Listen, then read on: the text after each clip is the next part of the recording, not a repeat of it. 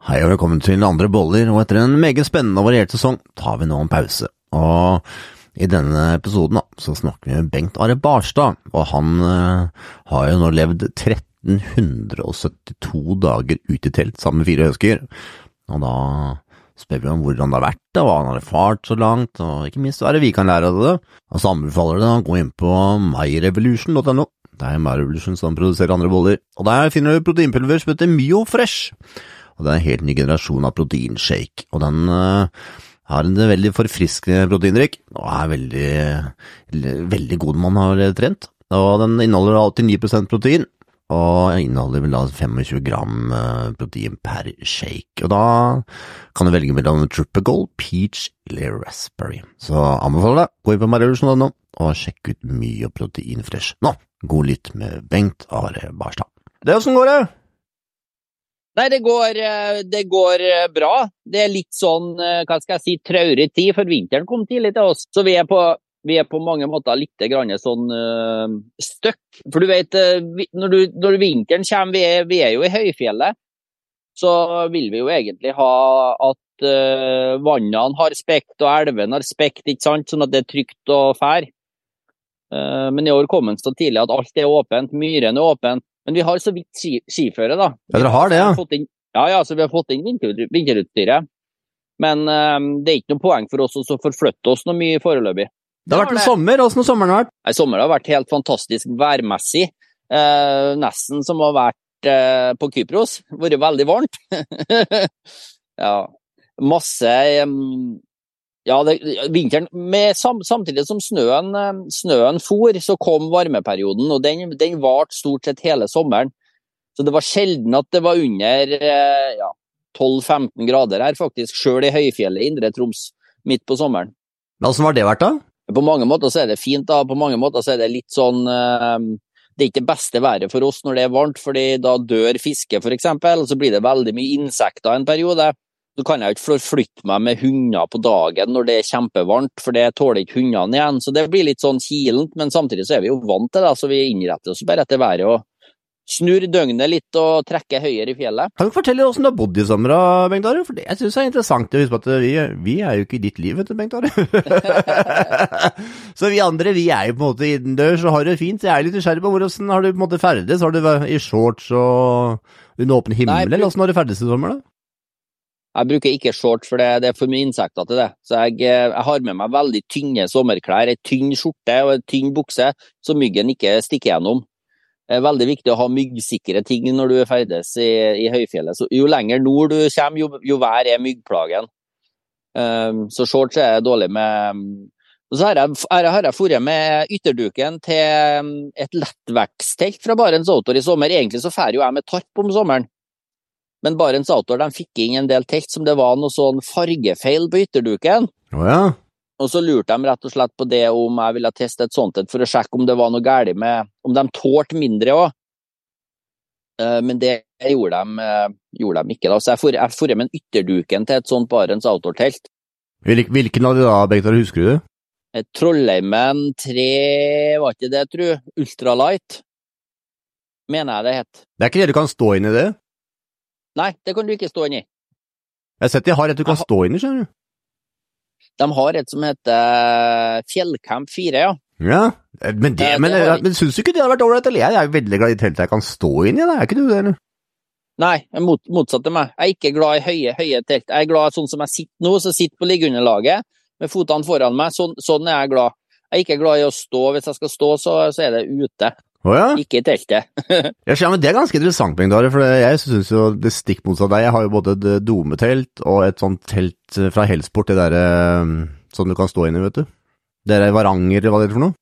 Ja, stemmer. Ja, du har en lavvo. Helt riktig. Og så har jeg et sånt uh, ekstremtelt, sånn der gult og rødt, sånn som er sånn sikkert samme høyde som det du har nå. Og jeg skal jo ærlig innrømme at jeg er jo veldig glad i disse teltene som er litt høye, så jeg føler at jeg har litt luft inni der. Hvis ikke jeg har litt luft, så føler jeg meg litt sånn der uh, Blir litt trangt, syns jeg. men nå er jeg nesten to meter høy òg, da, så jeg vet ikke kanskje det har noe å si, men Ja, nå er jeg bare i 82, da, men eh, nei, jeg, jeg liker det egentlig litt trangt. og og sånn høyfjellsmessig. Og så, så, er det jo mer, mindre vindfang i et lite telt, sånn at det er mer vindstabilt. Uh, så, så, jeg liker det. Jeg gjør Så det. er det noe med det jeg Ja, jeg gjør det. Jeg, jeg, jeg liker meg veldig nært naturen, så jeg liker å sove på bakken. Jeg liker å sitte på bakken, på lyngen eller på stein eller på ehm, Men det merker jeg jo når jeg får besøk av, av folk som jeg har Jeg har jo hatt litt besøk i sommer. Ja, har du det? Ja, fortell oss litt om det. Åssen har det vært? Nei, det som jeg, har sagt før, det, det er veldig trivelig å få besøk. Det er godt når de kommer, og så er det litt godt når de drar. Jeg er litt avhengig av jeg er litt avhengig av å ha, ha hodet for meg sjøl òg. Dere har vært utenom, Bengt. Jeg, jeg, går, jeg mener at jeg klakker å tellinga. 1352 i dag. 1352 dager i dag har jeg vært ute. Ja, og sånn, sånn, i- sånn i snitt, hvor lenge er du aleine av gangen, eh, Bengt Ari? Nei, altså Sånn som i sommer, så har det ikke, ikke vært mer enn 14 dager i slengen, da, men det hender jo jeg tre og fire, tre og fire uker alene, ja. Tre eller fire uker alene, ja, det er, det, det er jo det lengste. Og så må jeg jo ha inn mat, da, hver, cirka hver fjerde uke. Så da møter jeg jo enten en, eh, min yngste sønn Elias, da, eller min kjære far, eh, som, som kommer inn. Så da har jeg jo litt kontakt. Men som jeg sier, det er, det er, det er litt viktig for meg det å være alene med hodet. Og det er også litt viktig for meg å ha, være i områder uten dekning, og slippe unna det òg. Så, så det, det er jeg litt sånn bevisst på. Men da har du 14 dager da, som du ikke har liksom andre menneskers input. Vet du hva, Det er veldig spesielt for veldig mange, Bengt Are. Og veldig mange ville jo på gått kanskje litt i depresjonens vei og, og sånn, hvis de hadde hatt det sånn. Hva, oss, kan, vi, kan vi snakke litt om dere, for nå er vi på vei inn i litt mørk tid, vet du. Når tid blir mørk, og høsten har jo kommet her til, som jeg er på Sørlandet, og nå ser jeg det er veldig snø, og ja, nå er vi liksom Ja. på vei inn i den som folk er litt mer inne, da. Ja. Ja, og da er det jo ganske relevant å snakke med deg om akkurat det med å være aleine, for du sier jeg må ha litt tid til mitt eget hode. Ja, men du er aleine 14 dager av gangen, da. Vi andre har støtt nok fem, Ja, det- fem minutter hvis vi er heldige. Det er ganske ofte alene 14 dager, ja. Nei, ja Det er litt vanskelig å forklare, men jeg trives jo veldig godt i mitt eget selskap. Eh, Det har kanskje litt med meg å gjøre, altså personen jeg er. Men jeg har jo øvd litt på det å være alene, um, og pusha meg litt på, på å trives, trives alene. Det gjorde jeg ganske tidlig i ungdommen òg. Jeg dro ut i helgen alene og pusha meg på å være, være litt alene og klare meg sjøl. Jeg husker på jeg trena annet på å legge eh, førstehjelp på meg sjøl. Det kan være litt kilent hvis du skader deg sjøl. Hvis jeg får, eh, la oss si jeg ramler og får et stort sår på ryggen, hvordan skal jeg, hvordan skal jeg takle det? Så jeg trener annet på, på førstehjelp og klare det på meg sjøl. Um, Hvordan var det, da? Nei, det er teknikker for det. altså Det er bare å øve på. Legge bandasje og førstehjelp det er noe man må øve på konstant egentlig for å holde det ved like. sånn at hvis man er der og trenger, har bruk for kunnskapen, så, så går det litt automatikk i det. Så det er bare, bare å øve på. Det er noe jeg kan anbefale andre, alle som er mye ute, og så ta noen førstehjelpskurs. Røde Kors. Det, når blodet spruter, så er det litt for seint å Du rekker ikke å, å google YouTube, for å si det sånn. For, for, hva du skal gjøre.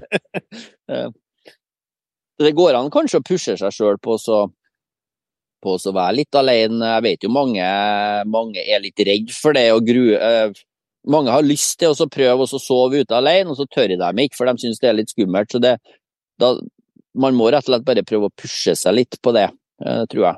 Du har snart ute i fire år, Bengt Are. Tipper det. Fire år savner ikke å få deg et hus og være inne innendørs, eller? Nei, overhodet ikke. Nei, det kan jeg tenke meg. Det Overhodet ikke. Det blir jo Altså 11. februar 2026 så har jeg vært ute i seks år, og da, da har jeg vel målet mitt at, skal, at jeg må legge om litt det, det turlivet, da. ja, ja, da er jeg spent på hva du legger om til, du. Ja, nei, vi snakker jo om det, jeg og min tekniske sjef Ole, da, at jeg må jo kanskje prøve å få um, ha en foredragsturné og prøve å spre naturbudskapet litt videre, da. Eh, men jeg kommer jo fremdeles til å være mye på tur og ha en veldig sterk connection til naturen, så jeg, jeg kommer nok aldri til å bo innomhus i et hus, ordentlig hus noen gang, det tror ikke jeg. Og det, Eh, det er overgang, Bengt Are. Gå fra å være seks år alene til plutselig skal være holde foredrag fra mennesker. Det er overgang. Ja, det Det kan gå bra, det trenger ikke å gå bra, det blir litt spennende å se. Men samtidig så, så, så formidler jeg jo natur, da, og, og snakker jo egentlig om ting, positive ting som folk er interessert i. Så du skal ikke se bort ifra at det blir jo en positiv opplevelse. Ja, da. Det er det med balansen da, for begge deler. Ja, riktig. Og så har jeg jo fremdeles eh, jeg kommer fremdeles til å ha hunder. De kan ikke jeg bare sette igjen og hive meg på et fly, så hundene må være med. Jeg kommer nok til å ordne meg med en varebil med, å innrede sånn at hundene og jeg kan bo bak i den, mens vi, mens vi kjører rundt og kanskje har noen foredrag. Hvis det er. Så du begynner å tenke litt framover, da, hører jeg? Det gjør jeg egentlig hele tida, uten at jeg planlegger konkret. Jeg planlegger sjelden mange dager fram i tid. Uh, leve her og, her og, nå, men samtidig så er det viktig å ha noen visjoner og noen drømmer om framtida òg. Noen av dem kan det bli noe av, noen, noen, av dem blir det kanskje ikke noe av. Jeg har jo en drøm om Sibir, som sagt, det har jeg jo sagt før. Nei, om, ikke til meg. Få høre, hva har du tenkt om Sibir? Jeg, jeg husker ganske godt, jeg kan ikke huske vi har snakka om det før. Nei, altså allerede i 1994 så, så, hadde jeg jo en drøm om å, egentlig, å krysse Sibir på tvers, da. Uh, så jeg har en drøm om å, om å om å dra til Sibir, og oppholde meg i Sibir i naturen sånn som jeg gjør her, over en lengre periode. Eh, men om det, blir, om det er noe som blir noe av, eller, noe, eller ja, det er litt vanskelig å si. Hva er det som med Sibir, da? Det er det siste, en av de siste plassene i verden som kanskje er sånn halvveis utforska. Altså der det finnes områder der, der det ikke har vært noe mye folk. Det siste, siste punktet i jorda der du kanskje kan, kan føle deg som en oppdager. Um, og så er det jo veldig mye natur. Du har en region som heter for Yakut, som har ca. 960 000 innbyggere, nesten like stor som India. Omtrent ikke veier der, én flyplass. Da skjønner du at det er mye, det er mye villmark. ja, så er det som tiltrekker deg? Ja. Urørt natur. U urørt natur, rett og slett. Uh, dyreliv og skog og elver og fiske og ja. Det er ganske hardt uh, vær der, er det ikke det? Det er jo kaldeste plassen på jorda. Så det, så det er kaldt, kaldt, om vinteren. Ellers minner det jo veldig mye om Canada eller, eh, eller Finnmarksvidda òg, kanskje. Eh, bortsett fra at det er mer skog der da enn hva det er i Finnmark. Mer, mer bar, barskog. Men eh, det er, jo, det er jo kaldt. De, de, har jo temperaturer ned mot 80 minus. Uh, jeg kan ikke skjønne hvordan jeg skal friste, men går det? Nei, da, er viktig, da, er det viktig, at du har vært ute en vinterdag før og har rett utstyr, og uh, at du har mat og vann og alt, alt på stell. For skjer det nå i 80 minus, da er du rimelig fucka. ja, da har du en utfordring, det er iallfall sikkert. Men la oss komme tilbake til det med å være aleine igjen, for som sagt, jeg syns det er en viktig tematikk i disse dager, som tiden vi kommer inn i. Uh, og jeg er jo litt nysgjerrig på hvordan du håndterer det, da, for det, det har snakket litt om tanker, Bengt Are. For du, ja. du, har jo mye tid for deg selv, ikke sant, som eh, er veldig verdifullt, eh, og som mange av oss skulle ønske at vi kunne ha mer av. Og da når vi setter oss ned da, for å få litt stillhet, jeg tok jo litt pusteteknikk og sånn for å prate med deg nå, og jeg kjenner jo da at hvis jeg ikke har veldig fokus på pusten min, så dukker det veldig mange tanker opp. Og da kan jeg velge om jeg skal på en måte ta tak i den tanken og spinne videre på den, eller om jeg skal bare la den være og sende den mm. videre, og så kommer en ny tanke. Eh, mm. hvordan er den prosessen der hos deg? Det meg så kommer den jo litt sånn automatisk, fordi at jeg har jo Nå har det jo vært veldig rolig tid, så jeg har jo tida og da, hele dager der, jeg, der, livet er litt kjedelig. Det skjer ikke så forferdelig mye. Og da sitter jeg jo ofte og tenker. Når jeg kjeder meg, og spesielt hvis jeg sliter med å sove, så kan jeg ligge i soveposen og bare bruke tankevirksomheten, la tankene flyte. Helt til jeg da havner i drømmeland etter en stund. Men jeg har ikke noen sånn spesiell teknikk for det, men eh, men lar du det flyte, men, eller tar du tak i det? Det var det jeg mener, at vi sier det dukker opp en tanke om at man skal holde foredrag. Ok, Da kan du velge å ta opp den tanken, og så kan du på en måte tenke videre på det, eller kan la den være og plutselig dukke opp noe annet. Riktig, ja det, ja det, er akkurat sånn. Først lar du tankene flyte, og så kommer det kanskje noe som, som, gjør at du, som du tenker videre på. Uh, um, Hvis jeg ikke har noe å tenke på, så prøver jeg å tenke på gode minner, f.eks. Kan jo være lurt å ta fram av og til. Um, så har jeg jo en del altså, jeg bedte jo fluer, så jeg kan tenke på fluebinding, jeg kan tenke på fiske. ja. Jeg kan ta tak i et tema av tankene. Og hvis Jeg skal ha et, jeg har jo hatt noen sånne få, nett, få nettforedrag. Hvis jeg skal ha et foredrag, så kan det hende at jeg bare jeg, jeg, lager ikke foredragene på papir, altså jeg har dem oppi hodet. Og så, så ligger jeg rett og slett dagene på forhånd og tenker på hva skal jeg prate om, hvilket tema skal jeg snakke om. Så å bruke tankevirksomheten og bruke hodet, det tror jeg er viktig, og det tror jeg er noe som folk ikke er vant til i den digitale verden vi er kommet i. Um, Hvordan takler du kjedsomhet? For mange tåler jo ikke kjedsomhet. Mange så fort de begynner å kjede seg, så da er telefonen. Hvordan takler du du til, det? meg, til meg også er kjedsomhet livs, livsfarlig, fordi at du blir litt sånn uh, likegyldig og monoton. Det blir, det blir jeg òg. Men samtidig så har jeg jo gjøremål hver dag. Altså, jeg må gi hundene mine mat. Jeg må eh, Altså, jeg har en del ting som jeg må, da. Uh, så dagene, de dagene som er kjedelige, så går det litt av seg sjøl. Og så har jeg jo sånne små tyvtriks som at, eh, en kopp te om morgenen med sukker i. Så selv om jeg kjeder meg, så havner hodet på, på en god plass, da, og da er ikke livet så kjedelig lenger. Um, så Men jeg tror, tror det er også noe som kanskje folk, folk må trene på, og kjede seg litt, for det tror jeg er sunt. Ja, ja, helt klart. Og så husker jeg at du hadde litt hard vinter, Bengt Are. Husker jeg. Det var, litt tungt for å komme ut av Ja, vinteren. vinteren var, vinteren var, var beintøff. Hadde, hadde eh, sju og en halv måned vinter i fjor. Fytti grisen. Um, Hvordan er, du, hvordan er du forberedt for det nå, da? For nå er vi i gang med vinter igjen. ja, det blir samme nå. Det blir en beintøff vinter, og intuisjonen min sier at vi får en kjempehard vinter eh, i, i vinter. Jeg ser det litt på naturen, hvordan den forbereder seg. Så jeg tror naturen er forberedt på super Nei um, um, Du ser det på hvordan trærne uh, blir gule og, og, og, og peller bladene, blant annet. Er det forskjell på det? Ja, det er forskjell på det. Og kan du fortelle litt om det? For du har, du har vært der i fire år og bodd i naturen. Så hvordan ser du forskjell? For jeg ser ikke forskjell. Jeg ser bare det blir gult, det. Ser, ser, første ordentlige vinteren min var jo ikke så langt unna Børgefjell, var i Hattfjelldal. Den eh, høsten så var det jo var det jo mange uker der trærne sto i sånn flammehav. Bjørka var flamma opp etter lien, og, dem, og fargene holdt seg veldig lenge. Eh, Men sånn som i år, så var det nesten ikke farger i hele tatt. De var, det var veldig fort, nesten bare på noen dager. Eh, Så da tar jeg som et tegn at nå eh, har bjørka det litt travelt. Nå vet bjørka at eh, det blir vinter. Å ja? Jeg tror de Eh, merker sånn. det sånn. en hard... Ja, det tror jeg. Det er jeg helt sikker. Altså, trær er jo noe folk har et eh, eh, Hva skal jeg si, da? Dårlig forhold til.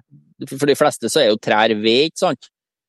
Men, eh, men eh, du kan jo tenke deg sjøl, uten trær i et økosystem, så ikke vi hatt noe økosystem. Og trærne kommuniserer med, med hverandre, og trærne eh, Trærne er veldig, er veldig viktige og kan være en god indikator på hvordan det står til i naturen, ja. Eh, Så da tenker du at Det er så jo, eh, Ja, fortsett. ja. For, nei, fortsett du, Bengt Are. Det er en sånn sær ting som folk kan prøve på. Det, når jeg sier det, så, så rister jo folk da, da har de lyst til å ta med meg til en psykolog. Men prøv å klemme et tre en gang. Gå, gå i skogen, se opp, og så klemme det et tre.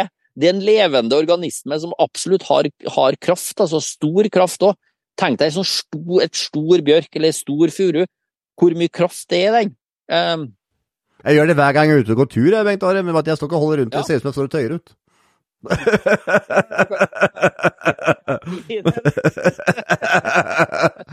Står alltid og tøyer ut der er på tur. Ja, men det er, rart, det er noe rart med det, da. For det er som du sier, det er faktisk en levende organisme. Bare at den lever på litt annen måte enn den lever sjøl. Man kan ikke si så veldig mye. Det er interessant. De snakker, de snakker trærne, men vi kan ikke kommunisere med dem. De har et språk, trærne. Alle organismer har et språk eh, på, på mange måter. Eh, det er jo forska veldig mye på trær og skog. Det er jo forska på veldig mye natur internasjonalt de, de siste 20 årene. Um, og de har, enkelte forskere har funnet celler i, i, eh, i ytterst i røttene på trær som minner om hjerneceller til oss pattedyr. Så Det er enkelte for- forskningsmiljøer som begynner å snakke om det at trærne har en slags intelligens. Um, så det er mye spennende som skjer eh, på forskning i naturen òg. Om, eh, og av- husk på veldig mye av det som vi kan om naturen i dag. eh, om 100 år så er det ikke sikkert det stemmer igjen. Fordi vi får mer kunnskap. Mm. Ja, veldig gode poenger, Bengt Are. Det som jeg liksom lurer litt på nå, da, det er jo Nå har du hatt en fin sommer, det har vært varmt. Ikke sant? Så vi, Ja. vi var litt inne på hvordan du måte har levd, men vi har fortsatt ikke vært eh, Kan ikke vi bli litt mer i da? For det er, sånn, det er veldig rart i det at vi kan Vi er veldig flinke til å snakke om ting vi står midt oppi der, men når liksom den er over, nei, da har vi liksom glemt det litt. Da er, litt, da er, litt, da Ja. er liksom den, det er litt over. Men vi, vi snakket jo ikke med deg i sommer, vet du, så du hadde med deg ytter, yttertelt, men, eh, og du gikk ikke i shorts, fikk jeg med men hvordan var liksom det med å gå fra syv måneder vinter til sommer, da? Det må jo ha vært helt fantastisk?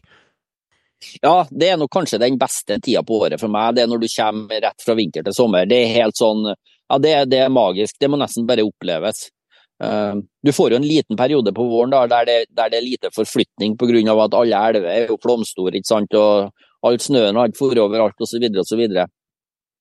Men uh, du får et skikkelig kick, ja, og sola gir deg et skikkelig kick, sånn at du får uh, en skikkelig, skikkelig vitaminpille når sommeren endelig setter inn.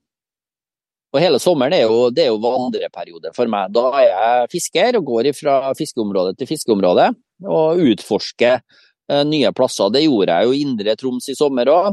Eh, da var jeg på alle de plassene jeg omtrent ikke har vært på før. Så nå har jeg vært over stort sett overalt i Indre, indre Troms. Eh, eh og det ble jo veldig varmt, så fiske i sommer var egentlig dårlig, da, men de gangene fisket var bra, så var det helt magisk. Mm. Lå det mye under åpen himmel, eller? Jeg svømmer under åpen himmel om sommeren, sommeren ja, når det er, god, godvær. Jeg setter ikke opp duken mer enn det jeg, det jeg må. Da sover vi jo bare. Da, da, krasjer vi, som jeg kaller det. Vi går, og så kan vi komme til et, et vann der fisken vaker, og så setter jeg bare den i sekken, og så fisker jeg. og Plutselig så er jeg trøtt, og så slår vi bare opp liggeunderlaget, og så sover vi der, jeg og hundene. Det er veldig spesielt. Møter du andre folk eh, mens du er der på sommeren, eller? Jeg har møtt noen få, men det er ikke mange, nei. Nei, det er ikke det. det er utrolig, De forviller seg ikke i der. Nei, det er utrolig få folk lenger som drar sånn som jeg gjør, uten sti og vei. De går stort sett på, på de merka løypene. Uh, så jeg, jeg, bruker dem som sånn transportetapper hvis det er naturlig for meg. Uh, så når jeg for videre sørover nå fra Dividalen, så brukte jeg DNT-løypa opp til Anjavatnet, men fra Anjavatnet til Altevatnet igjen, så var det uten, uten løype igjen. da. Og da er jeg helt oppi der fortsatt? Ja, jeg er ikke så veldig langt unna Altevatnet, egentlig. Jeg tror det, det kommer til å legge nedover, jeg. Nei, jeg har ikke Nei, du har ikke det? det krasja litt her nå når vinteren kom. Egentlig skulle jeg være enda lenger sør, men um, når snøen kom, så ble det vanskelig. Så, eh, så, vi er i nord ennå, men jeg satser på å komme meg ned mot uh, en plass som heter for Ballvatnet, Junkerdal nasjonalpark, som ligger Det blir øst for Fauske, egentlig. Jeg satser på å prøve å komme meg ned dit nå, da, før vinteren setter inn for fullt. Er det stor forskjell på været der kontra der du var i, var i vinter som var, eller? Ja, det er stor forskjell, og enda større forskjell blir det når jeg kommer over Saltfjellet. Saltfjellet er egentlig en sånn barriere. Um, det som jeg sier, bare glem været sør om Saltfjellet i forhold til det vi har her oppe i nord. Det er to vidt forskjellige verdener, egentlig. Så, så ja, ja, det er stor forskjell. Det er det. det. det. er mye lengre vintersesonger, og det er hardere vintre, mer vind, det er mer storm, det er mer snø. Ja, det er mer av alt. Helt klart, når du krysser polarsirkelen. Men nå som du går en vinter i møte, har du endra på utstyret og sånn, eller? Ja, nå har jeg fått inn vinterutstyr, så nå er det Hva har du fått inn nå, Bengt Are? Har du noe nytt fra i fjor? Nei, ikke noe nytt, bare gammelt utstyr. Ja, Så kjører du samme? Eh, isbjørn og alt sammen? Jeg be... Nei, jeg har, nå har jeg soveposer for bare en saltor òg. Ja, har de fått det? Ja, det, det brukte jeg fjor, fjorvinter òg, stort sett hele øh, Hva er det jeg sier, hører, har det gått til fra isbjørnsoveposen, Bengt Are?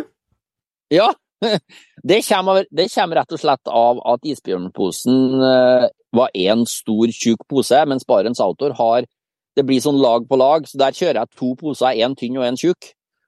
Og selv om det er en tynn og en tjukk, så, så, er de mindre enn den store isbjørnposen ja, som jeg ferdig med. Ja. Er det. Men komfortmessig, Bengt Are, vet at det skal mye til at jeg skal svikte isbjørnsoppholdet min nå, vet du. Er uh... du, jeg har jeg har isbjørnsoveposen min ennå. Ja, du har det. Det er godt å høre.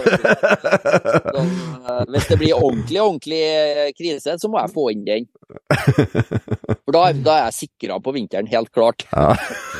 ja, Vi skal ikke snakke noe negativt om Halvtår nå, men det er noe med å bare kunne snakke om ting uten at noen skal føle seg tråkket på. Og det er jo det er jo noe man vet noe funker godt, da. Så er man trofaste da. Ja, altså Isbjørnsoveposene er, er unike. Og det er, som jeg sier, jeg er jo veldig glad. De er jo sydd på, på Heimdal i Trøndelag. Det er jo made in Norway. Det er jo bare stoffet de får fra utlandet. Så, så det, er jo, det, er jo, sånne ting som jeg liker, liker veldig. Ja, så er det veldig god såpe Jeg, jeg, jeg, ja, er, jeg, er ikke på ditt nivå, Bengt Are, men jeg har sannelig tilbrakt snart 100 netter ute, ja. Uh, de er kjempegode. Er gode, de holder, holder seg godt. Mm, ja, ikke minst. Tror du mye juling. Det var at de er litt store. Det er store, litt store å dra på.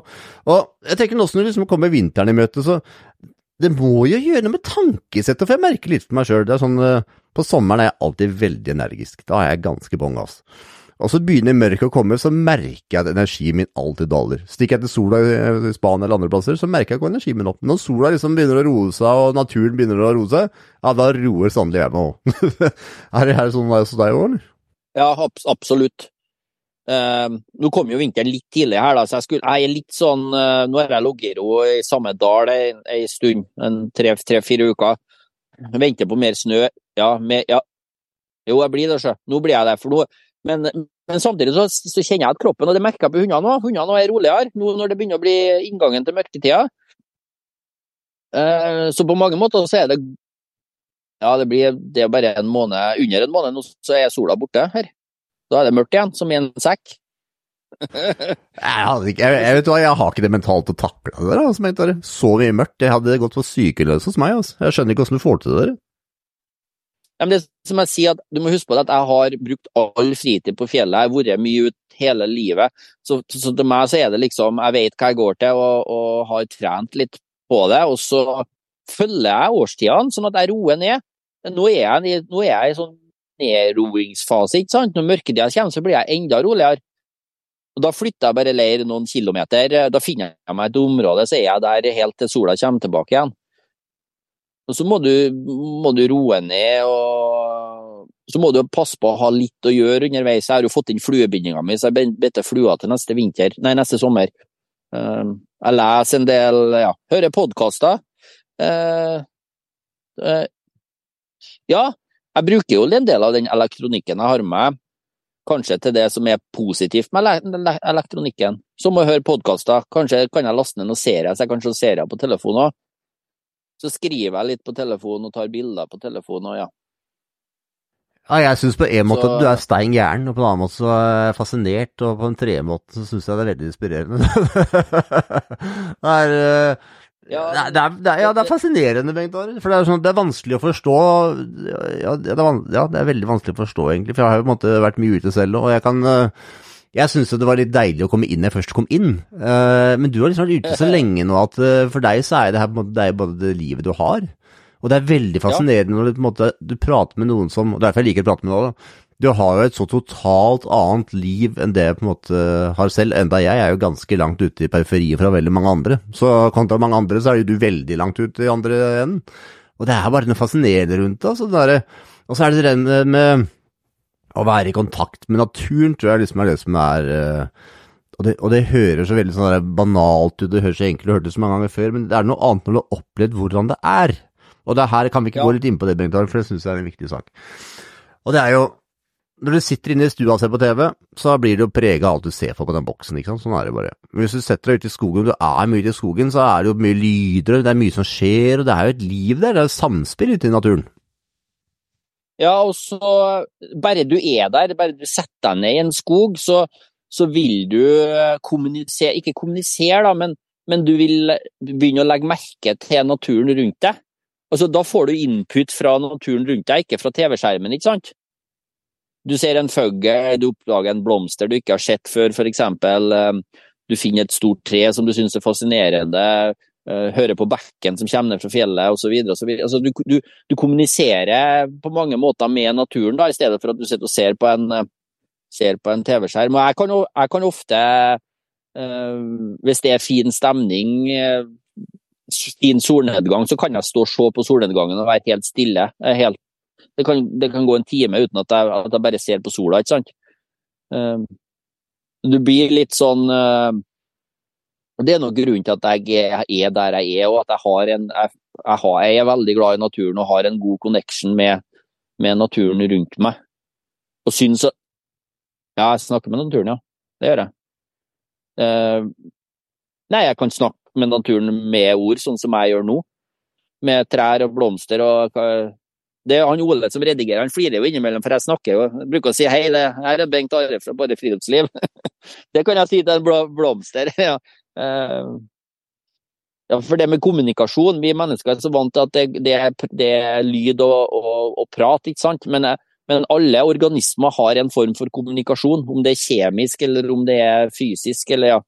Uh, Så kommunikasjon, du kan godt kommunisere med en blomster, ikke noe problem det.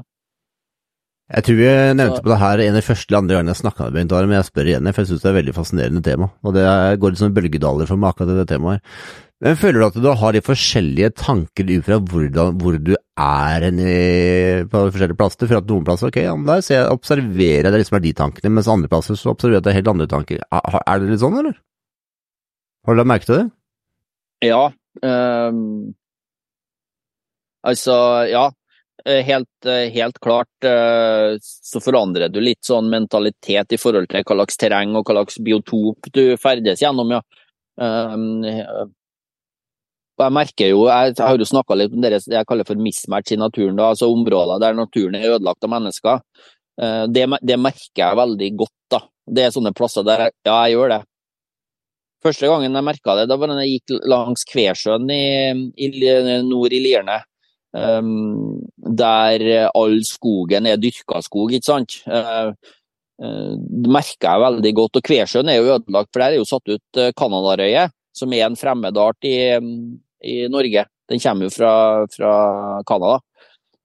Um, så, så merker jeg veldig godt den mismatchen i naturen av og til. Det kan være vindmøller, kraftledninger og sånne ting òg, men det kan òg være som jeg sier, dyrka skog, firhjulingsspor, ja, det kan være, være mange ting. Det, det må jeg si, vi har forferdelig lite urørt natur igjen i Norge. Nesten ikke i det hele tatt. Det, den biten urørt natur som vi har hatt, den holder på å bli ødelagt, dessverre. Det gjelder også i nasjonalparker.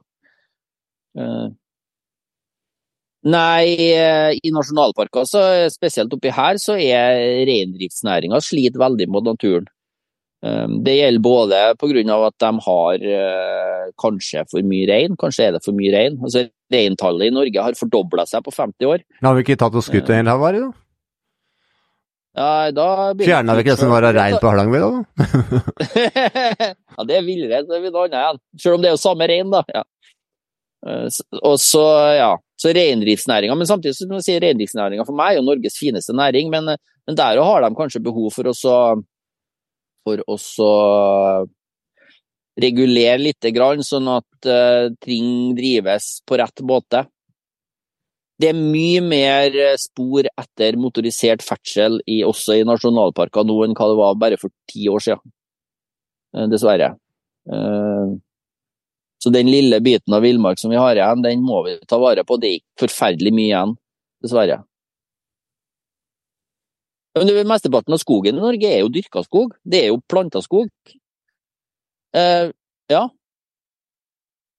Så eh, dessverre, sånn er det. Og det er derfor Norge holder på å gror igjen nå, fordi at bjørka veldig mange plasser tar over. Eh, den kommer jo på plasser der den naturlige skogen er borte. Eh, og Sjøl oppi her så finner jeg jo plante, store plantefelt med gran f.eks., og grana hører jo ikke hjem så langt nord som, som oppi her. Hmm. Er, så, man ser jo at tregrensa endrer seg, og tenker det er litt årsak at den eh, tregrensa endrer seg også, eller at vi på en måte faktisk endrer veldig mye på ekosystemet? Det, det har nok med at, det har nok med at, eh, med at uh, jord, eller temperaturen på jorda, eller temperaturen i området her, da, er blitt varmere. Uh, men det har, ikke, det har, ikke, bare med temperatur altså Jeg tror ikke tregrensa øker bare pga. temperatur. Du er nødt til å ha mer sollys òg. For trærne, trærne lever av å produsere, produsere, energi fra sollyset.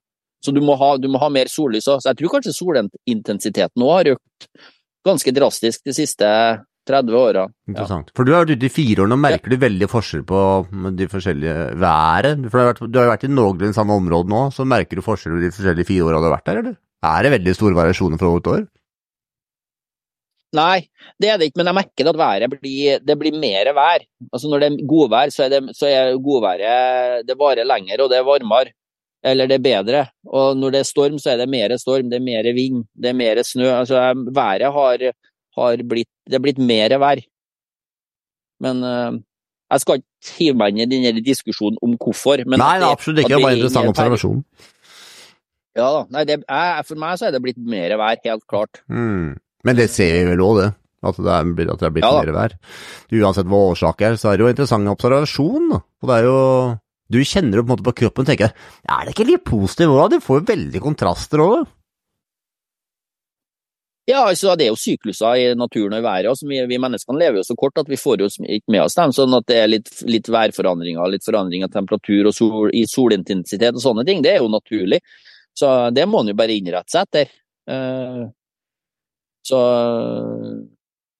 det er klart, det, uh, det skjer jo relativt fort. Altså, det er jo en del uh, det er jo en del natur i Norge som vi kanskje mister, da en del arter, spesielt sårbare arter, som forsvinner. Spesielt når det blir, blir varmere. Ja, men de forsvinner jo ikke helt, eh, kanskje, da, eh, av den grunn. Eh, de forsvinner bare fra de områdene her. De trekker, trekker til andre områder. Jeg har jo selvsagt ikke noe svar på det her, Bengt Are. Det er bare en sånn refleksjon mens jeg prater med deg. og det er jo jeg syns å legge merke til at mennesker også for tiden har veldig sånn intensitet på det ene eller andre siden. Det er sånn at Hvis det først er noe, så er det helt ekstremt og intensiteten er. Ja. Om det måtte være det ene eller det andre.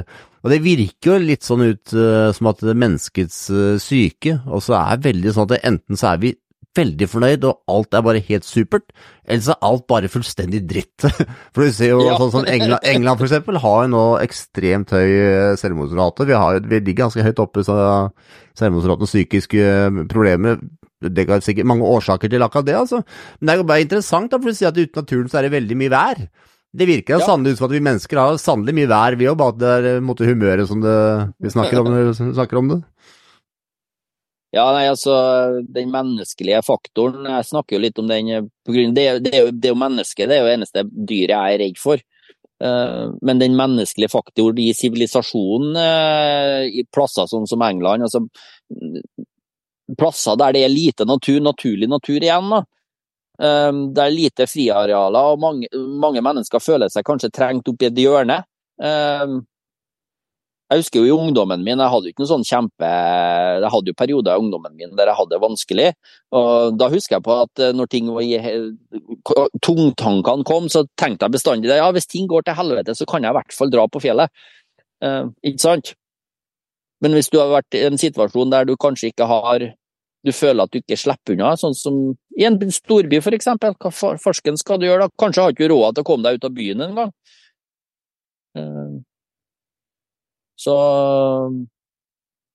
jeg tror nok verden er, er et eh, Det har skjedd veldig mye i verden siden jeg, bare siden jeg dro, dro fra sivilisasjonen, så jeg tror nok verden er et Ja, det gjør det. Verden føles det som er et slags sånn brytningspunkt.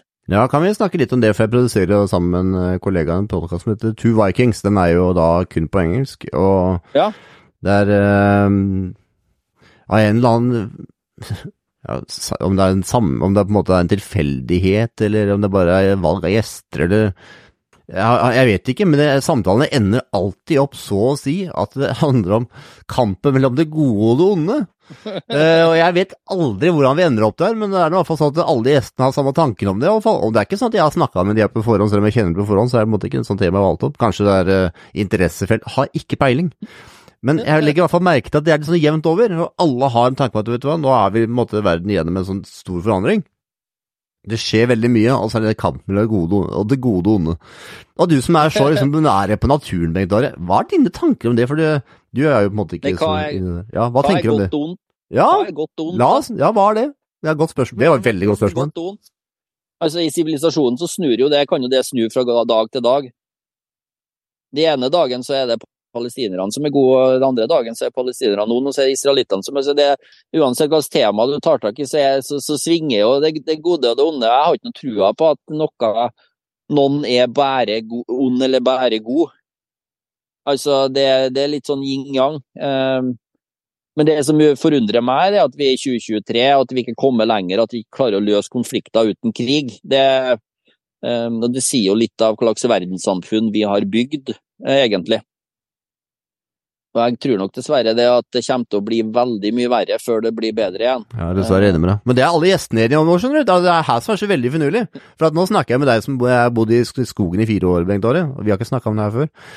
Mens alle de andre her, som jeg kan snakke med alle fra den ene, jeg driver jo med sånn eh, alternativ, alternativ behandling fra en sånn gammel romantic health-greier tilbake, langt tilbake. Jeg, jeg prata med en annen som drev med internasjonal politikk, og det var, det var en tredreiv. Han, jo, han var britisk journalist, og så er det flere andre. Og alle liksom kommer tilbake til det samme. Alle har forskjellige ting de holder på med. Men alle sier det samme. Og jeg hører jo ikke noen ting om det noen andre plasser enn de menneskene prater sammen så er det kanskje bare innenfor min sfære at det her eh, foregår. Fascinerende er det i hvert fall. ja, jeg sitter jo på mange måter ser, ser fra utsida og inn, ja, da. Eh, jeg leser ikke så forferdelig mye nyheter, for det, det, tror ikke jeg er noe sånn stort poeng, men uh, blir litt, blir litt forundra. Og det jeg ser, da, at jeg ser ikke noe løsning på noe. Altså, det er ikke noe jeg ser jeg, Ofte når man har et problem og begynner å tenke gjennom det, så finner du som oftest en løsning, men jeg ser ikke noe, jeg ser ikke noe løsning på, på, noe av det som skjer, skjer uh, rundt omkring i verden. Uh, det er totalt kaos menneskeheten har. Det er ikke noe plan med det.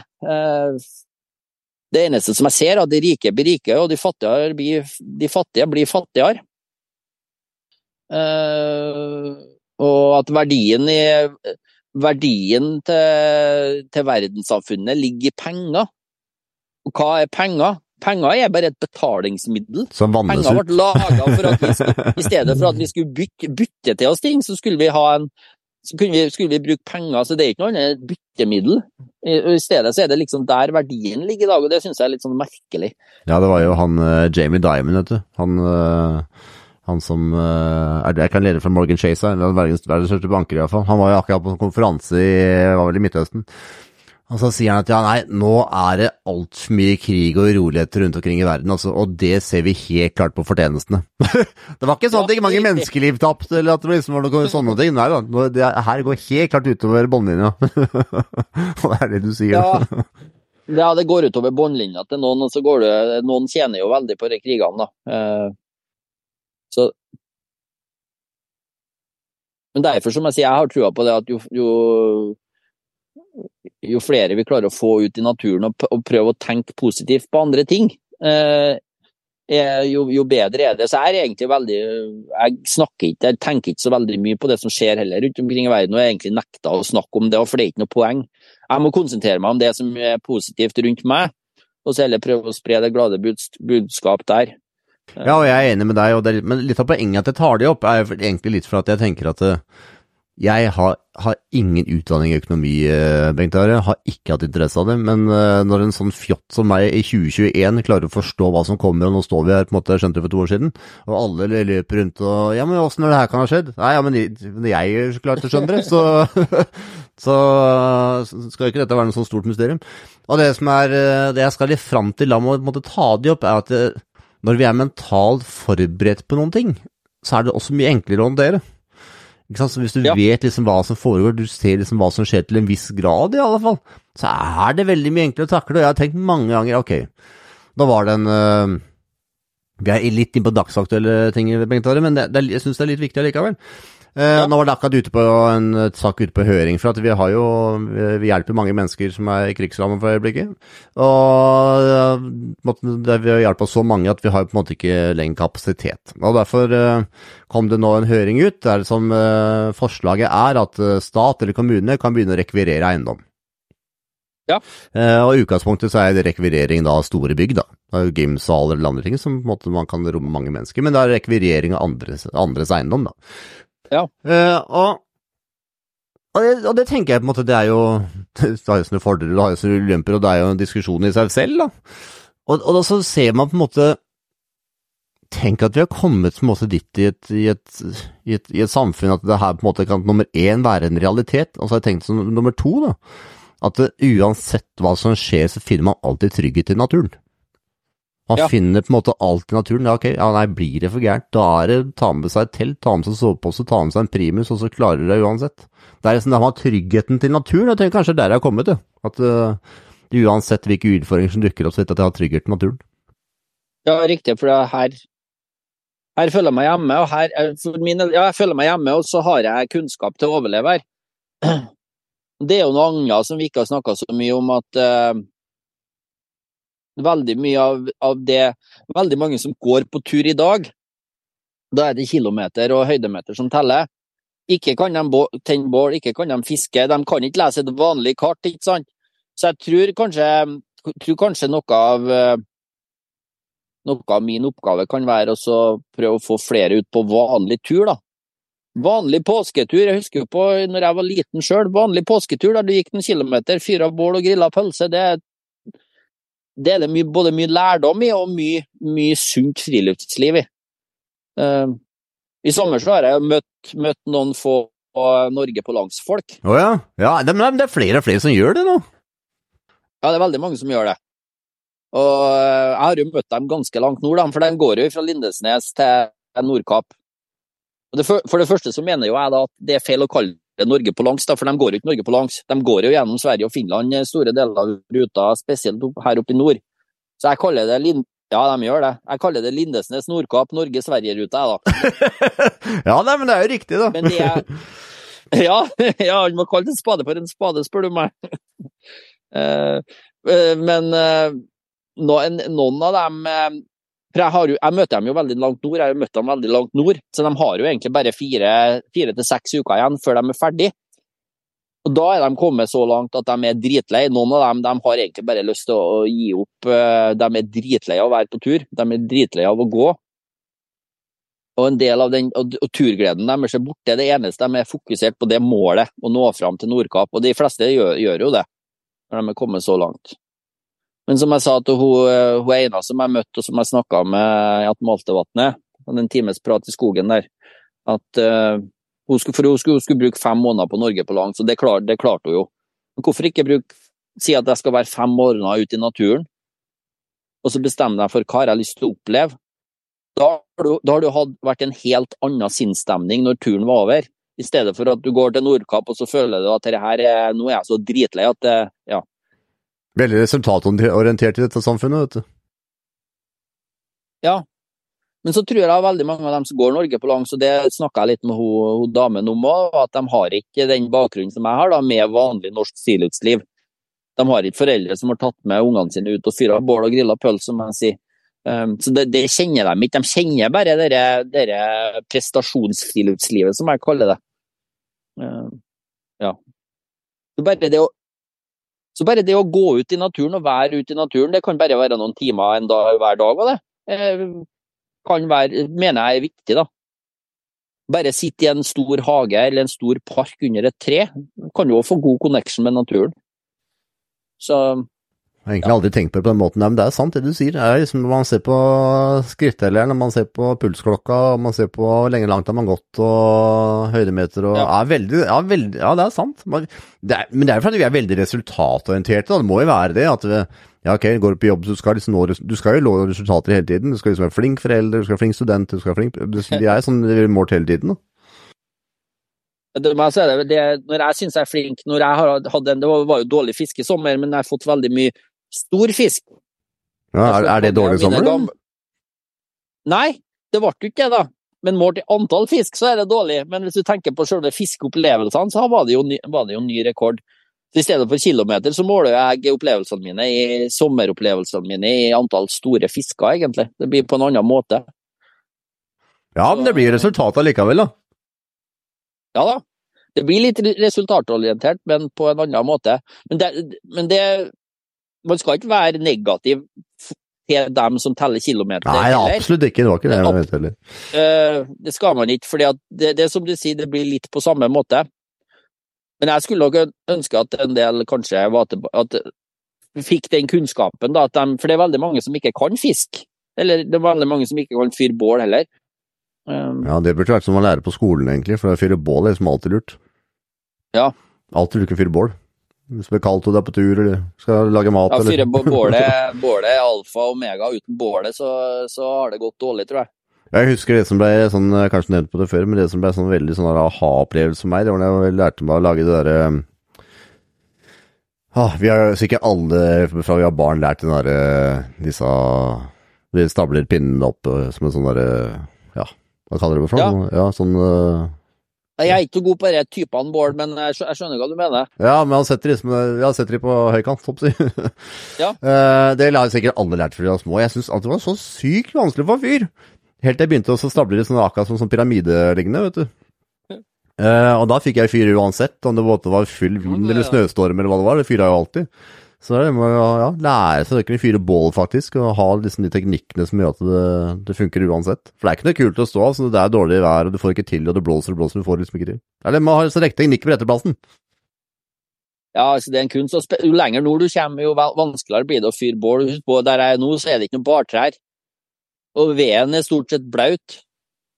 Så, så, det, så det er litt så det, er en- Ja, hva gjør du da? Skjærer ned, eller tar ned, finner noe som er, og så finner vi inn til midten av kjerna, da, eller? Det hender seg, ja, men eh, jeg drar bestandig med en pose med bark, med tørr bark, børkebark. Eh, Når du har, når du har det i byen, så plukker jeg masse, masse tynne kvister som er De kan være blaute òg. De kan ikke være rå, men tørre kvister som, som har blitt blaute, de tørker jo når du har litt bark under dem. Så må du starte med et veldig lite bål, og så må du legge på etter hvert som veden tørker. Til slutt så har du et bål som der alt brenner. da. Det er en fin opplevelse. Å sitte ja, Det er Ja. ikke noen som slår deg, sitte og fyre bål. Kan sitte Nei, det timevis. ja. er- Ja. Jeg er jo kommet så langt at jeg må ikke fyre bål hver dag, men det var veldig godt de, de dagene jeg fyrer bål. Ja, for det er litt sånn periodemessig òg. Jeg bodde jo på en måte på hytte i ti måneder, og da fyra jeg jo sykt mye bål, og kjente jeg har ikke fyrt bål siden. Det er sånn der, det er sånn alt sin tid og alt øh, Ja. Så, så kommer sikkert litt følelsen tilbake nå, da, men man blir litt metta av ting òg. Jeg er kommet så langt at jeg tenker over Eller jeg tenker ikke over, da, men når jeg, når jeg fyrer bål, så bruker jeg energi på bålfyringa? For jeg bruker energi på, på å hente ved og ja. Eh, Så når jeg fyrer bål, så er det av en grunn. Enten at jeg fryser, eller at jeg må koke vann, eller at jeg ja, fyrer bål når jeg, når jeg har grunn. Eller hvis jeg er på en plass der det er masse fin ved, så fyrer jeg bål, for da er det enkelt å fyre bål, ikke sant. Men oppi her der det er vanskelig å fyre bål, så fyrer jeg bare bål når jeg har en grunn til det. Merker du noe forskjell på humøret ditt nå som det begynner å bli litt uh, mer mørkt og det begynner å bli kaldt og surt, eller? Nei. Men jeg merker at jeg blir uh, Jeg blir mer stille og mer Ja, jeg roer ned nå, da. Hmm. Ja, jeg begynner å kjenne det etter hvert, for vi har snakka sammen noen ganger. Og jeg kan, jeg kan legge litt merke til Jeg kan liksom legge litt merke til ut fra, nesten ut fra hvilken tid jeg snakker med deg på. Det er ganske interessant, Ja. men det er jo akkurat det du sier, da.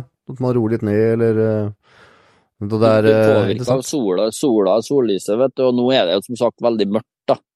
Um, så det blir påvirkninger av skiftningene i naturen, helt, helt klart. Det er Det er Ja. Men det får, blir å gjøre at du blir mer robust til å takle andre ting òg, da. Ja, altså du vet, når du, det som jeg sier, når jeg, når jeg klarer å overleve eh, på Finnmarksvidda en hel vinter uten å bli tullete og fryse i hjel, så takler du det meste. Det er, det er ingenting som biter på deg. det er veldig, veld, veldig enkelt. Så eh, til meg så er det sånn hvis jeg har nedperioder, eller ting, jeg føler at ting, nå går ting til helvete, så tenker jeg at det er ingen som blodet spruter ikke, det er ingen som holder på å dø. og vi har, jeg har mat til hundene, nei, da har jeg det bra. Ja, det er liksom en følelse som jeg driver og spiller deg puss. Ja, riktig. Har du blitt redd noen gang på Så- turen, Bengt Are? Jeg har vært redd noen få ganger. Jeg var redd eh, et par ganger på sjøen når ting holdt på å gikk i dass. Altså når jeg seila med Nordlandsbåten min. Når vi var langt, langt til havs og det var, kom over dårlig vær. Um, ellers så har ikke jeg vært redd uh, Altså, jeg, jeg blir litt sånn Jeg vet ikke om jeg kan kalle det Jeg blir kanskje redd. Men det hender jeg når jeg kjørte ned Reisadalen nå, kom fra Finnmarksvidda, jeg skulle ned Reisadalen, kjørte jeg ned en plass som heter Svartfossen. Da har jeg et svært juv på høyresida av meg. Og litt sånn luftig og veldig bratt nedgjennom. Da var jeg litt redd på tur ned, fordi jeg følte ikke jeg hadde helt kontroll, da. Ja. Eh, Hva gjør du da? Nei, da må du bare bite tennene sammen og så fokusere på, på jobben. Rett og slett. Du må bite tennene sammen. Du må eh, rett og slett bare finne fram din indre kriger og trykke på. Det er ikke noe annet. Ja, vi gjør, gjør du noe risikoanalyse, eller jeg liksom gjør noe for deg sjøl? Ok, hva, hva, hva, liksom, hva skjer Jo, jeg- praksis? Jo, jeg gjør av og til. Så her, der gjorde jeg en, der stoppa jeg før jeg kjørte ned, og så gjorde jeg en risikoanalyse på hvordan jeg skulle gjøre det. Um, rett og slett. Men av og til så må du bare ta den risikoen, og det gjorde jeg jo spesielt på sjøen. da. Det er for sent når du har begynt å seile, Altså, for du kan ikke snu en nordlandsbåt og seile tilbake igjen. Det går ikke an. Så da må du faktisk bare trykke på. Eh, Der var det en par ganger at det var, var veldig nært, og ting gikk til helvete, ja. Eh, Krangler hundene mye, eller, Are? Det er mindre nå enn hva de gjorde, eh, har gjort før. Ja. Nå har jeg nettopp tatt valget at jeg skal få inn en kalp til, da. Da skal du det? Ja, hvor hyggelig. neste uke så kommer det en eh, kommer det, Da har jeg bestemt meg for at jeg skal ha ei tispe. Ja, han eh, gamleste hunden min, han Tapper, han henger ikke helt med på trekkinga lenger. Um, så jeg må rett og slett begynne å lære opp en ny hund, ja. Det satt jeg brukt, brukt mange uker på å tenke gjennom om jeg skulle gjøre det eller ikke. Ja, det er både koselig, og så er det jo et ansvar å få en hund til, og så blir det jo litt mer jobb for meg òg. Det er jo jobb med hundene. Men samtidig så er det veldig mange positive sider. Det blir jo veldig positivt å få inn en valp. eh, Det blir artig å se hvordan de andre hundene reagerer. Ja, sånn tror du det blir, da? Hæ? Åssen tror du det blir? Når du får inn en valp blant fire hannhunder som er, så de første to dagene så vil de prøve å ta livet av den. Så da må jeg, må jeg følge med. Men eh, den valpen jeg får inn nå, han er litt gamlere, han er fire måneder. Og så har den gått, den har gått på en huskyfarm, så den er veldig vant til andre hunder. da. Veldig, fått veldig god oppdragelse fra mora. Så den vil nok bite litt ifra seg, så det der går nok bra. Det blir morsomt, morsomt da. Det blir jo Ja. veldig gøy, da. Ja, nei, dere, jeg, har jo, jeg skal jo filme hele den sekvensen. Det blir jo veldig Åssen skal du få plass av begge, eller? Nei, vi, vi sover nå i dung her. Trenger jo ikke noe isbjørnsove som du, da. Det er jo så mye å holde varmen på at uh... Ja, nei, Jeg drar jo med en, med en tynnere sovepose i og med at hundene ligger inntil meg. De ligger jo inntil meg hver natt, alle fire nå. Nå blir det Ja, det hender de snorker. Den jeg våkner om natta, natta lyser på dem, så ligger de på, når de koser seg husker høstene, så ligger de på ryggen, da, med ballene i været her. Eh, Så de er ganske sær. eh. Men hund... ja, hundene er jo, er jo viktige for meg, selv om det er jo det som jeg sier, det er jo, det er jo tungt å fære med fire husker. Det er ansvar, og det er mye jobb. Så det, det har blitt en annen tur hvis jeg ikke har vært med hunder. Men uh, hundene er viktige for meg. mm. Men de er vel de De er ikke så mennesker nå heller, antar jeg? De ser jo ikke så ofte mennesker, så hvordan reagerer de først til mennesker, da? Nei, de er veldig snille mot mennesker. Aldri vist noe aggresjon mot mennesker, men de er veldig gode vakthunder. da. Det bruker jeg litt, det bruker jeg litt bevisst. Uh, setter dem ut i en firkant rundt leiren, så har jeg va- vakthunder på alle kanter. De sier fra hvis det kommer dyr, eller Kanskje spesielt viktig for meg i områder med mye rein, at jeg, at jeg setter dem rett, sånn at jeg får, jeg får vars, de varsler hvis det kommer rein for nært leiren. Ja, er det en utfordring? Ja, det kan være det, for de er jo, det er jo jaktinstinkt på dem, så de vil jo prøve å komme seg løs. Og da er det krise. Da, da, da er det krise. Så det er veldig viktig for meg å følge med når det kommer re- rein tett på oss. Så da er jeg attmed hundene hele tida og passer på at de er ordentlig sikra og roer dem ned. og ja. Det har jo ganske mye ansvar, da. Veldig ansvar å fære med fire, fire polarhunder, det, det er det. Uh, heldigvis så har jeg bank i bordet, fire sterke. De er veldig godt hold på dem nå, de spiser godt. Jeg bruker et, et fôr som heter Troll Ekstrem, som jeg får fra Det er jo, det er jo sponsa på hundefôr, det, og det er jeg jo veldig takknemlig for. For det betyr at hund, hundene bestandig har nok mat. Eh, og de har veldig bra, bra mat. Så de er ja, kjempeviktige for meg. Har du fått med deg sponsorer til å hjelpe deg nå, eller? Skal vi si? Har du fått med deg sponsorer til å hjelpe deg nå? Jeg har jo noen sponsorer som, eh, som sponser meg via TV-serien. eh, Barents Outdoor, som vi har snakka om, er jo, er jo en av dem. Og så har jeg jo A-klima på ullundertøy, og så har jeg fått inn Fjellreven på yttertøy nå. Det Oi, så bra! Å, det er fantastisk tøy, altså. Ja, for de har eh, Jeg er Fjellreven-fan. vin- vin- vinterklærne mine. Jeg har jo hatt Sitkagir først, som er sånn amerikansk jaktbekledning, og de, de har fungert kjempebra.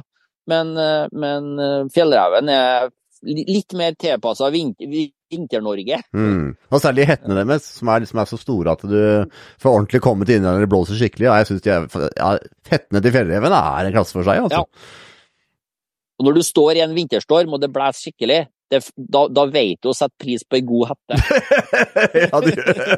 Ja, det gjør sånn. Da kjenner du, da kjenner du forskjellen. Og så syns jeg de er så slitesterke, det fjellreventøyet, at det må du nesten ta livet av, føles ut som noen ganger. At de tåler vanvittig Ja. mye juling. Jeg har brukt den der vidda, fjellreven vidda har jeg brukt i mange år. eh, eh, ja, sikkert i 30 år. Den buksa bare bytta ut. Når jeg sletter ut ei, så har jeg bare bytta ut. Så veldig glad for å ha fjellreven med på, på laget. Så jeg har jo noen, noen sponsorer inn via TV-serien. Eh, eh, som gjør at TV-serien går rundt. Det koster litt å produsere den òg. Det, spesielt redigeringa som en Ole gjør, er, er det, det tar tid, ja. Det gjør det. Jeg syns det er kjempeflott ja, Bengt, at, at uh, selskaper er med på å støtte det. Så for det første så er jo du den beste produktutvikleren eller produkttesteren de klarer å finne, det er nummer én. Men så er det jo viktig at man bidrar òg, ja, det, det, så vi jo nå, det var dessverre en sånn sørgelig og trist ting som skjedde her på Sørlandet akkurat, der det var en gutt som uh, som, ja, for, som forsvant under jakt. Den, den saken fulgte jeg litt med på. Som forsvant under jakt, dessverre. Og det var jo kjempetrist. Og um, det var en, et øyeblikk der som det skal liksom reise og hjelpe til selv om, men det var såpass langt unna fra meg at jeg tenkte at det var så mange andre som hjalp til, tenkte ikke meg der. Men det var, det var, sånne ting som engasjerte meg. Jeg syntes det var trist. Men eh, man ser jo der, nå har de jo på en måte Og det var jo på en måte ingen Jeg tror ikke det var foreldres initiativ, men det var noen andre da, som uh, satte en sånn pengesamling, og da er samla inn noen millioner nå. Og jeg tenker at det er jo øh, Vi mennesker er flinke til å måtte gi når det virkelig øh, butter, av. Men uh, kan vi ikke hjelpe hverandre uten om skal, det skal være så tragisk òg, da? det må vel ikke være så gærent hver gang? det er kanskje det som jeg beriver meg litt i håret av, at folk, når det gjelder sånne ting, så er folk Når det gjelder spleis og og vips og sånne ting, så er folk vel da er folk kjappe på avtrekker. Men kanskje å hjelpe hverandre litt eh, bare helt til daglig, tror jeg er minst like viktig. Absolutt, jeg er enig med deg. Det er viktig, det. Enda mer viktig òg, tror jeg. At man liksom ja, hjelper hverandre. Det, det, tror jeg. Det er, litt, det er litt sånn, vet du, det, det, kommer til å bli litt sånn jo, jo, jo mer det tetner seg til i sivilisasjonen. Hvis ikke naboen din har det bra, så er det ikke sikkert du har det bra sjøl heller. Nei, veldig godt poeng, Bengt Are. Du har en treffende viktig poeng å være litt våken på, på menneskene rundt deg, det, det, det, var kanskje noe av det som gjorde det rett for meg den gangen jeg dro. For jeg, jeg så jo det at empatien blant folk, den, den, var Jeg vet ikke hvordan det er nå, da, men den var på et lavmål. Um, at folk brydde seg. Folk brydde seg ikke om hverandre. Det var sin egen lille nesetipp folk brydde seg om. Eh, det håper jeg snur litt, da. Men det gjør det som oftest når det begynner å bli litt sånn eh, tetne seg til. Eh, så ta vare, på, ta vare på hverandre, og det bruker jeg å si hver gang jeg lager sånn Patrion-oppdatering òg. Ta vare på hverandre i sivilisasjonen. Det, det, er viktig. Jeg tror det er én ting som nesten hadde løst utfordringa. Jeg har snakka om det før, men jeg vet ikke hva det heter podkasten her. Vet du hva det er? Nei.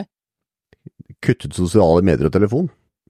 For ja. det er én ting jeg har registrert, for det var jo i meg og min kjære kollega på Tuvaking. Så vi var på, i Stavanger på han Jordan B. Peterson her om uh, forrige fredag.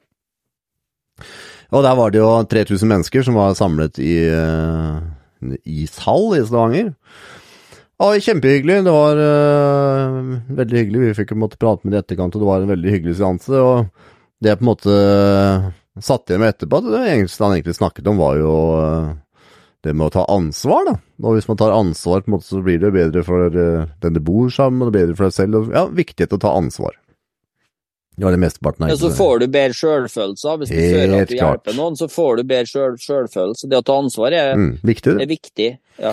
Men det som liksom var så fascinerende, da, det var at uh, Og det her har jo skjedd hver gang, for sist gang jeg var og kikka på på Peterson, så var, det var i Oslo konserthus. Og da er det sånn at jeg kjenner den jo, så jeg får jo ofte disse billettene samme som journalisten får. Eh, og da, sist gang så satt jeg sammen med NRK Brennpunkt. Og ja. den gangen her så satt jeg ikke sammen med noen journalister, men satt jeg som et vennepar som, var, som han hadde med seg. Men i alle fall poenget mitt er at det var jo en sånn reportasje da, vet du, på NRK Dagsnytt, var det vel. På den dagen han var der. Så fikk jeg den tilsendt, for det hadde ikke jeg fått med meg.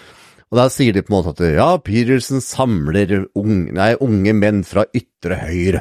og så kom det en sånn religionsforsker som uttaler seg helt på slutten og sier at ja, det han snakker om kan uh, føre til uh, Å, hva han sa for noe, kan føre til radikalisme og, osv.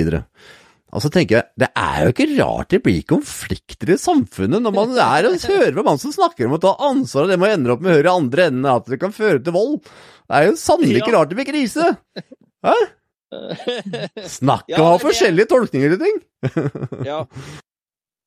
Ja, jeg rir meg litt, litt i håret av at når jeg ser hvordan, eh, hvordan ting blir takla, både i media og av politikere og politi og at politiet i Norge skyter personer og dreper dem, er for meg helt uforståelig. Altså, det Ja. Men, eh, ja. Ting endrer seg, Bengt Are. jeg, Som sagt, kan dere ikke bare slå av telefonen, folkens? Få av sosiale medier, så blir alt veldig mye bedre. Ja, gjør det, gjør det, og så bruk det. fordi at man skal, Sosiale medier kan være, det kan være positivt hvis du bruker det. Det er det som er positivt. Eh, Så, så Og det ser jeg jo. ikke sant? Nå har jeg jo dekning, da, har hatt det en stund, men når jeg forsvinner ut av dekningsområdet nå- så da har jeg spart det på sosiale medier som jeg liker best. Det ser ikke jeg nå når jeg har dekning. Det har jeg lasta ned, og så ser jeg det når jeg har lyst, når jeg har lyst, når jeg har vært en stund utafor dekning. Det verste er at da, da, da ser jeg det innholdet på en annen måte. Ja, helt klart det. Så blir det, Så det å- ja, veldig godt poeng. Så det å bruke sosiale, eller bruke telefonen eller bruke skjermen til det som er positivt, og så prøve å kutte ut det negative. Men jeg vet at det er vanskelig. Ja, Jeg er kjenner meg sjøl så godt da.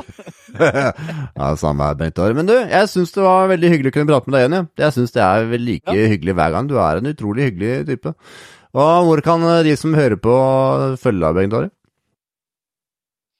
Ja, hovedsakelig nå da, så er det jo, vil jeg anbefale alle at de går inn på naturkanal1.no og ser TV-serien min. Fra de første 1000 dagene så legger det ut 106 episoder, og så er det vel laga det er 50 det er laga så langt av 2000 dager ute, da. Den begynner å bli veldig bra. Den har egentlig vært utvikla seg veldig fint. Den begynner å bli veldig bra, ja. Så det kan jeg anbefale. Ellers så har jeg en Patrion-kanal, der kan folk være med og støtte meg. Jeg har jo forferdelig lite penger, da, vet du, så det, de, de kronene jeg får inn på Patrion-kanalen min, den, de er viktige for meg. Det gjør at jeg av og til har, eh, har eh, kan, kan koste på meg litt ekstra. Har du Vipps òg, eller? Er. Ikke foreløpig. Det sitter litt Jeg skal ærlig innrømme, det sitter litt langt inn for meg, dette å tigge penger. Men det er ikke det, er ikke det det er. Så jeg har ikke, jeg har ikke Dere Vipps har ikke jeg har ikke, jeg har Vipps selvfølgelig, for jeg har jo en bankkonto. Så hvis noen ønsker å, å vippse meg noen kroner, så får de lov til det. altså. Men jeg, jeg kommer ikke til å gå ut med noen Vipps-kampanje, nei. Det gjør jeg ikke. Så Nei, kjempeflott, Bengt. Jeg syns det er da. eh, veldig bra. Vi har vært innom mange ting vi i dagens prat, sånn som vi alltid gjør. Så Ja, det jeg syns det var eh, veldig fint, Bengt. Ha en fin dag, da. ja. Ha det. ha det. Ha det.